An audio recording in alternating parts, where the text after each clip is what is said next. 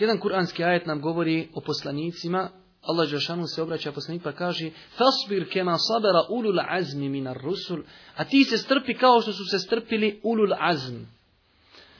Islamski učenjaci kažu da postoji određeni poslanici koji su na većim, većim stepenu i ređi kod Allaha od Između ostalog, to je ta petorka najodabranijih poslanika i tu postoji razilaženje ko su oni, ali jedno od najprihvatljivijih mišljenja jeste poslanici koji su spomenuti u sedmom ajetu sure Al-Ahzab gdje kaže uzvišeni Allah mi smo od vjerovjesnika zavjet njihov uzeli i od tebe i Nuha i Ibrahima i Musa i Isa.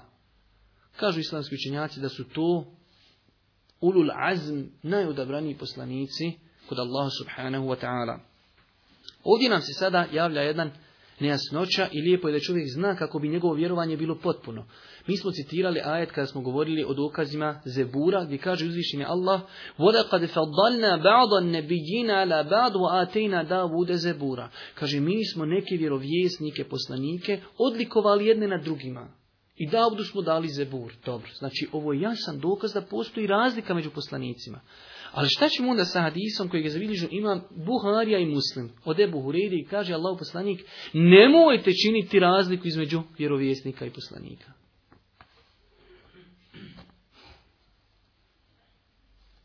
Šta ćemo? A definitivno, definitivno nema kontradiktornosti. U našoj vjeri nema kontradiktornosti. Svaka stvar samo je treba znati pravo usmjeriti. Makar naši mozgovi nekada shvatili da je to na prvi pogled kontradiktorno. Kur'anski ajet jasno kaže وَلَقَدْ fadalna بَعْضَ النَّبِيِّنَ عَلَى Mi smo neke poslanike uzdigli na drugima.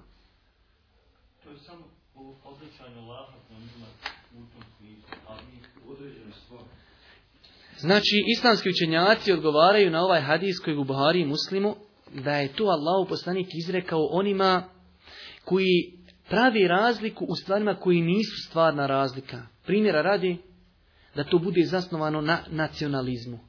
Pa dođu židovi i kažu Musa je najbolji poslanik. Zašto? Zato što je njima poslan. Kažu on je najbolji. Ne zato što oni misle da je zaista on najbolji, već zato što je njima poslan. Ili kršćani da dođu kažu Isa ali se nam je najbolji.